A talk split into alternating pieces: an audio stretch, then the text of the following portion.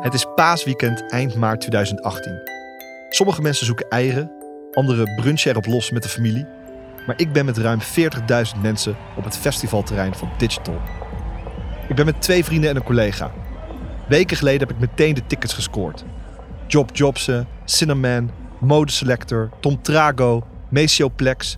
Echt een hele dikke line-up. Dit doen we dus de hele dag. Je wil naar een tof festival en koop daarom een kaartje. Voert een wachtwoord in, je naam, je 06, e-mail, geboortedatum en je bent ready voor een goede rave. Niet alleen voor een festivalticket, maar ook voor nieuwe sneakers, een energiecontract of om bijvoorbeeld mee te doen aan een winactie, is het noodzakelijk om online je gegevens te delen en profielen aan te maken. Nederlanders hebben gemiddeld 30 online accounts en meer dan driekwart hergebruikt hetzelfde wachtwoord voor alles. We vroegen daarom op straat: hoeveel verschillende wachtwoorden gebruik jij eigenlijk? Ik heb allemaal eigenlijk hetzelfde wachtwoord, maar dan met verschillende tekens. Ik heb er maar eentje. Ik denk wel een stuk of 15. Ja. Maar dit wachtwoord dit heb ik al zo lang. En uh, echt sinds ik tien ben. En ik ben er wel een beetje aan gehecht. Dus uh, vaak geloof ik het wel. Ik heb één wachtwoord voor bijna alles. En het is zelfs zo erg dat mijn huisgenoot hetzelfde wachtwoord heeft voor alles. Elke keer wanneer jij online een profiel aanmaakt en je gegevens invult, word je een doelwit van cybercriminelen. Waar ik momenteel focus zijn laptops waar oudere mensen kopen, want daar is de meeste vraag naar. Ik, ik hou gewoon altijd bij vaste mensen, maar ik, zou, ja, ik kan ook gewoon bij Telegram kopen of zo, snap je? Jouw gegevens zijn voor hen heel erg belangrijk en worden verhandeld voor uiteenlopende prijzen op een soort digitale marktplaats in chatgroepen.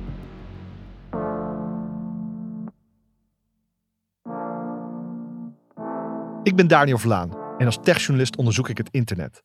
In deze podcast hoor je waar gebeurde verhalen die zich online en vaak recht onder je neus afspelen, maar toch onzichtbaar zijn.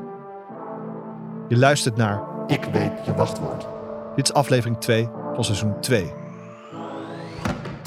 Phishing is een groot probleem. Cybercriminelen verzinnen steeds nieuwe manieren om digitaal bij je in te brengen. Once you have a person's mail and you're inside their inbox, you control their life. Ik ben slachtoffer geworden van phishing. Millions of usernames and passwords have been stolen through several high-profile company data breaches. What actually happens to all that information?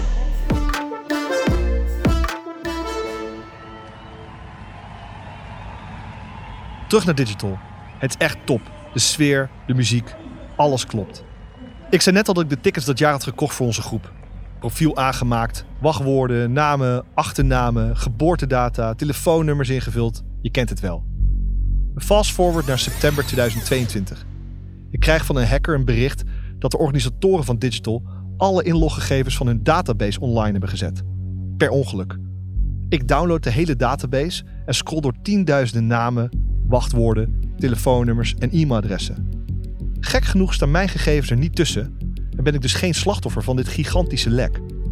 Maar de gegevens van ruim 109.000 andere festivalgangers die tussen 2015 en 2018 naar digital zijn geweest, liggen in één klap wel op straat. Ik open nu Telegram en wat je dus ziet is dat er ja, leads verkocht worden voor verschillende types. Je hoort ethisch hacker Rick van Duin. Hij doet onderzoek naar hoe criminelen online met elkaar communiceren. Dat doen ze vooral via Telegram, een populaire online chat-app. Dus je ziet hier iemand die verkoopt dan ook specifiek leads tussen uh, mensen die geboren zijn tussen 1900 en 1945.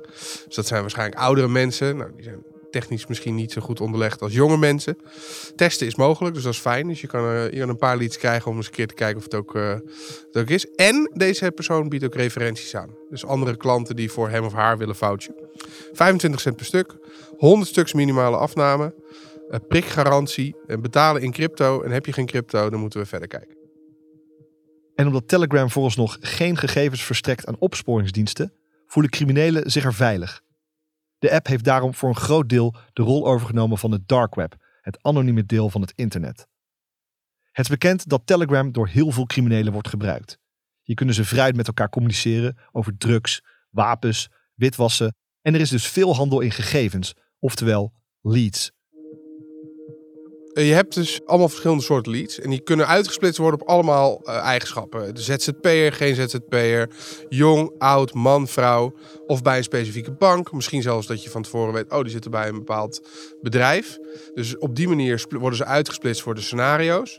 En dan heb je ook nog dat het eh, soms gaat over specifiek bel leads of duw leads. Nou, dan, bij, in het geval van duwen gaat het echt over mail of sms'en. En bellen, dan, dan wil je wat meer voorinformatie hebben, want dan moet je dus gebeld worden. Eh, wat er dan vaak gebeurt, is dat criminelen zich voordoen als ik ben van de bank. En dan weet je dus al van tevoren, ja, jij zit bij deze bank. Nou, dan helpt het ook heel erg als je ook misschien het rekeningnummer hebt. Want dan kan je nog een veel overtuigender verhaal houden dan dat je gewoon zegt, hoi, ik ben van de ING. Je kunt op Telegram dus heel nauwkeurig zoeken naar de slachtoffers die precies passen bij de soort oplichting die je wil doen. Je koopt bijvoorbeeld gegevens van mensen die allemaal bij dezelfde energiemaatschappij zitten. Dan stuur je die een sms'je dat ze een betalingsachterstand hebben en dat als ze niet betalen, morgen de stroom wordt afgesloten. Er is altijd wel iemand die betaalt. En hoe meer gegevens criminelen hebben, hoe doelgerichter en preciezer ze te werk kunnen gaan. Ja, wat je, wat je ziet is dat eh, die criminelen, eh, die hebben op een gegeven moment een trucje. Dus ze hebben een bepaalde scenario met hun leads die ze daarvoor gebruiken. En vervolgens is het zaaien en oogsten. Het zijn net boeren. Ze zijn de hele tijd hetzelfde kunstje aan het uithalen, totdat het niet meer werkt. Ik wil weten wie deze criminelen zijn. Op Telegram probeer ik in verschillende chats binnen te komen. Sommigen reageren positief en willen wel wat vertellen. Bijvoorbeeld hoeveel duizenden gegevens ze verkopen. Ook scheppen ze veel op over hoe vers hun leads zijn. Met vers bedoelen ze ongebruikt. Als ik ze vraag om naar de studio te komen en te vertellen over hun handel in persoonsgegevens, zijn ze vaak bang om gepakt te worden door de politie.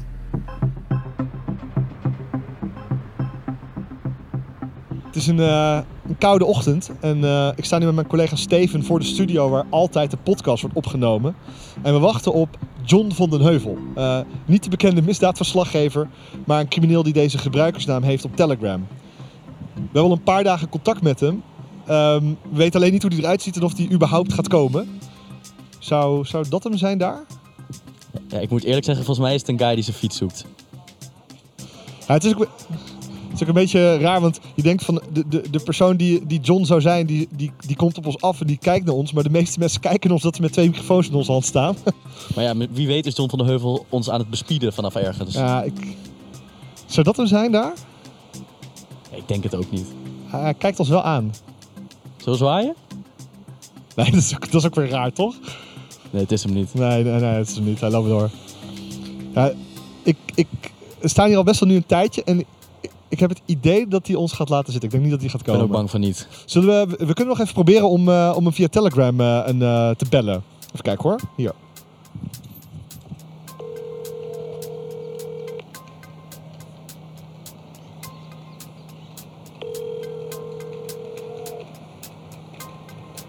Ja, Hij flasht ons. ja, hij heeft ons weggedrukt. Ah. Maar die avond krijgt Steven toch een leadverkoper aan de lijn.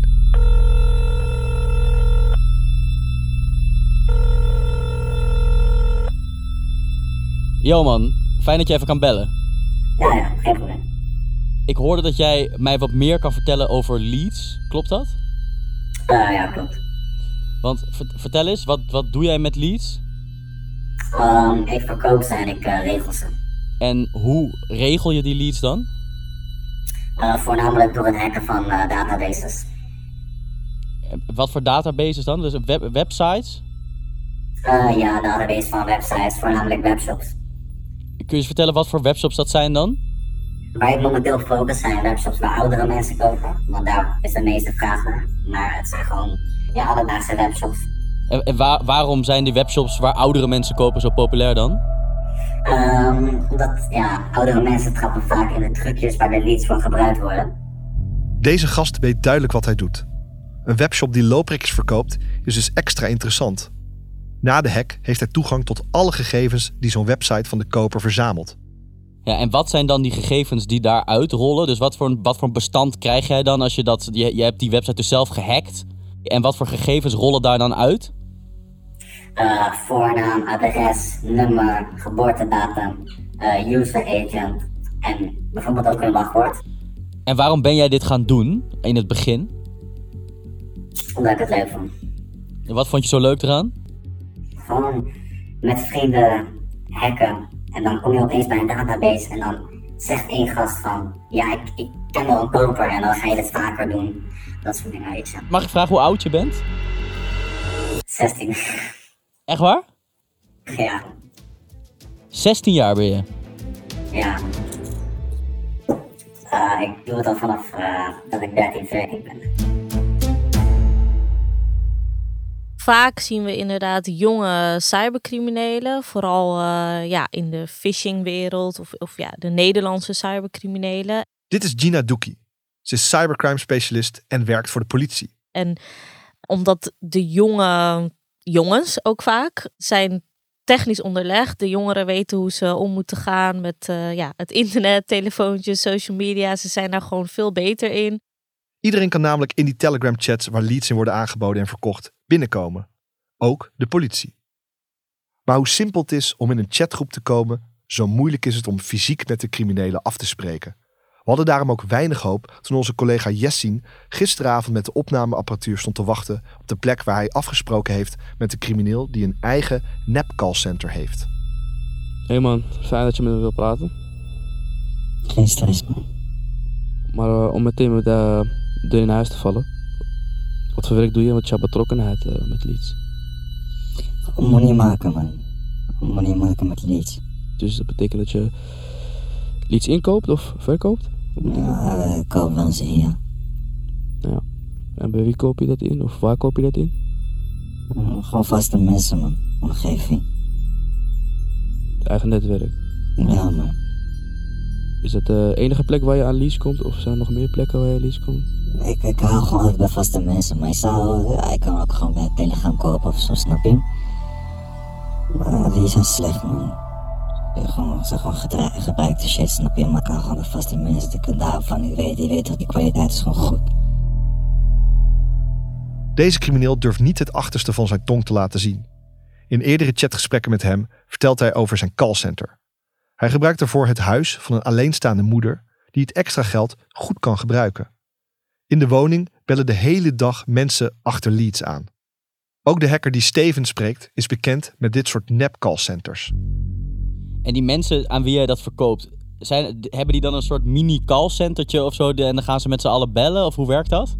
Om heel eerlijk te zijn, wat er eigenlijk gebeurt vaak is... eh, ze boeken een hotel, ze kopen die dienst van mij... en dan nemen ze een meisje mee en dan laten ze dat meisje gewoon bellen. Dus dan zitten ze gewoon in dat hotel, ze kopen van jou die verse leads die jij net gehackt hebt. En dan laten ze dat meisje, die heeft gewoon een script of zo. Ja, dat, een script. En dat script, dat werkt dan blijkbaar en dan lukt het gewoon een paar keer achter elkaar. En dan kan er daarna Ja. champagne besteld worden op die hotelkamer. Zeker weten. En voor jou dan? Word jij, word jij hier een beetje rijk van? Ehm, nou ja, mijn prijzen zijn, omdat ik vaste klanten heb en ik hoef niet te stressen van, oh, betaalt deze gast wel, betaalt deze gast niet, zijn mijn prijzen redelijk best wel goed eigenlijk. En ja, ik kan er gewoon goed van leven, man. Ja, wat kun je eens iets zeggen? Wat, wat, wat kost een lead? Gewoon wat kost een, een standaard lead bij jou? Nou, toen ik begon met uh, verkopen, en dat is zeg maar degene die toen bij mij hebben gekocht, daar hou ik nog steeds deze prijs voor aan. Dat is eh 50 euro per duizend leads. Ik zei net al dat de politie makkelijk in deze Telegram-groepen kan komen. Maar wat doen ze als ze eenmaal in zo'n chat zitten? Het cybercrime team van de eenheid Limburg heeft in januari een man aangehouden die uh, phishing panels aanbood op Telegram. En toen heeft de politie afgelopen augustus een bericht op de gerelateerde Telegram kanalen geplaatst met een boodschap naar dus potentiële kopers van deze phishing panels van pas op. Als je de volgende keer iets weer verhuurt of verkoopt, kan het zijn dat je dat aan ons, de politie, doet. Ik heb ook in het verleden wel eens een berichtje gezien waarbij, waarbij ze zeiden uh, tot ziens op Telegram of naast je bed. Maar ben jij bang om gepakt te worden? Uh, nee. Omdat ik uh, genoeg uh, stap om mezelf te beschermen. En zou je kunnen vertellen wat? Oké, okay, oké. Okay, nou, ik encrypt mijn laptop gewoon. VPN, over Tor, burner sim, dat soort dingen gewoon. En dan kan niemand bij je komen? Er is altijd een kans. Ook onze partner KPN houdt Telegram goed in de gaten. Het Security Research Team van KPN doet veel onderzoek naar datalekken. Zo zien we ook de verschuiving van darknet marktplaatsen naar groepen op bijvoorbeeld Telegram. Ons doel is om te signaleren wanneer Nederlandse organisaties slachtoffer zijn geworden en om hen te waarschuwen vanuit de maatschappelijke rol die we vervullen. Steven krijgt na een aantal mislukte pogingen nog een crimineel aan de lijn. Hij is geen hacker, maar komt op een andere manier aan het klantenbestand van een bedrijf. Hij noemt zichzelf TD. Maar je zegt net, je krijgt ze ook wel eens van eh, mensen bij een klantenservice. Dus het is dan gewoon iemand die werkt bij een klantenservice en die krijgt van jou geld als hij de gegevens doorgeeft. Yes. Ja, en hoe kom jij dan bij die mensen? Via, via, eh, zoals, zoals ze zeggen, tegenwoordig is alles te koop. Als je op die manier wat bij kan verdienen, ja, waarom niet? Wat bied jij dan? Zeg maar, wat, eh, wat betaal je ze voor zo'n klantengegevens? En hoe meer leads, hoe meer geld dat natuurlijk. Uh, maar voor leads met bankgegevens enzovoort zit je op 5 cent per stuk. De phishingwereld kent veel parallellen met de telemarketing. In callcenters werken ook groepen mannen en vrouwen die allemaal volgens een script iets proberen te verkopen. Nou goed, ik heb zelf ook bij een uh, callcenter gewerkt. Ik weet hoe het is. Uh, en ik kan me voorstellen dat op het moment dat iemand jou uh, de mogelijkheid biedt om, ja, om dat salaris aan te vullen, dat je, daar, ja, dat je daartoe verleid kan raken. Zo werken veel oplichters ook. Maar dan met het doel je bankrekening leeg te trekken. En dan aan wie verkoop jij die leads dan door die je hebt? voornamelijk salesbedrijven. Dus aan legale salesbedrijven verkoop je die weer door? Ja, ja klopt inderdaad. Heb je een voorbeeld van een legaal bedrijf die dan jouw leads koopt? Uh, je kan in principe elke callcenter opnoemen die energie verkoopt. Deze crimineel beweert dus dat hij de gestolen gegevens weer doorverkoopt aan andere legale callcenters. Het kan dus zijn dat jij gebeld wordt voor een nieuw energiecontract op je 06-nummer dat het callcenter illegaal heeft gekocht via Telegram. En wat doe jij met je geld? Zeg eerlijk, ik heb momenteel uh, niks waarmee ik kan aantonen dat ik iets heb verdiend.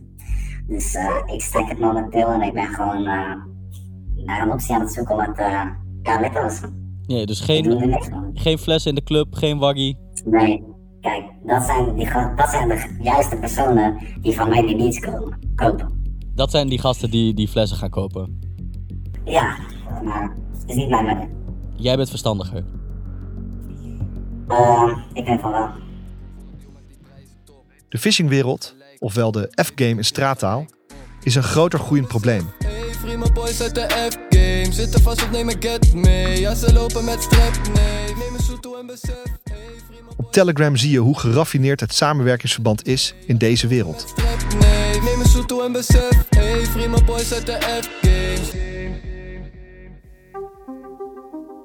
Mag ik je vragen, hoe lang doe jij dit al? Een uh, jaartje of twee. En hoe oud was je toen je ermee begon? Uh, 24. 24. En toen wist je al veel van computers en van uh, hoe, je, hoe dat allemaal werkte en zo? De te technologie wordt, er, wordt, er, wordt er met de paplepel ingegoten tegenwoordig. Is het eigenlijk makkelijk? Ja, ja, ja. Te makkelijk. Te makkelijk? Ja. We zien steeds minder traditionele criminaliteit. Dus de criminelen die vroeger fietsen gingen stelen, woningen gingen inbreken, die doen nu meer cybercrime, omdat het gewoon veel makkelijker is. Je hoeft nergens meer heen. Je hoeft niet naar een huis en te observeren. Je kan online zoveel doen. Zo bestaat cybercrime as a service. Je koopt een phishing kit en je koopt makkelijk leads op het dark web of via andere kanalen om je phishing te plegen. En je krijgt zelfs hulp van andere cybercriminelen om je aanval uit te voeren. En wat ik me nog afvraag, kijk, je zegt je hackt die websites van waar veel oude mensen komen. Dat zijn dus ook allemaal oude mensen die gehackt worden. En misschien heb je zelf ook nog een opa en oma of zo. Voel je ook wel eens dat je denkt dat het, dat het wel. Ja, heb je wel eens spijt van dat je dat doet? Um, nou ja, weet je wat het is? Ik sowieso, ik begrijp je punt. Ik coach mijn uh, oma en opa ook gewoon uh, met wat ze dan niet moeten doen. Ze weten wat de risico's zijn van je gegevens online invullen. Maar ik denk ook weer zo, als ik het niet doe, dan moet iemand anders het wel. Maar die honderdduizenden euro's die verdiend worden, moeten ook veiliggesteld worden om te kunnen spenden. Hoe criminelen dat doen? Dat hoor je in de volgende aflevering. Dan onderzoeken we de wereld van geldezels. En wanneer heb je dan die money geclaimd? Ja, wanneer je het cash ziet toch? Van die app man, moet het moet naar buiten komen uit die app, snap je? Wil je vertellen hoe je uit... Uh... Gewoon geldezels toch? Je luisterde naar Ik weet je wachtwoord. Om de week op woensdag is er een nieuwe aflevering van deze serie. Klik op volg in jouw podcast-app, dan mis je niets. Voor meer spannende verhalen kun je ook mijn boek Ik weet je wachtwoord lezen, de gelijknamige documentaire op Videoland checken of volg me op Daniel Verlaan.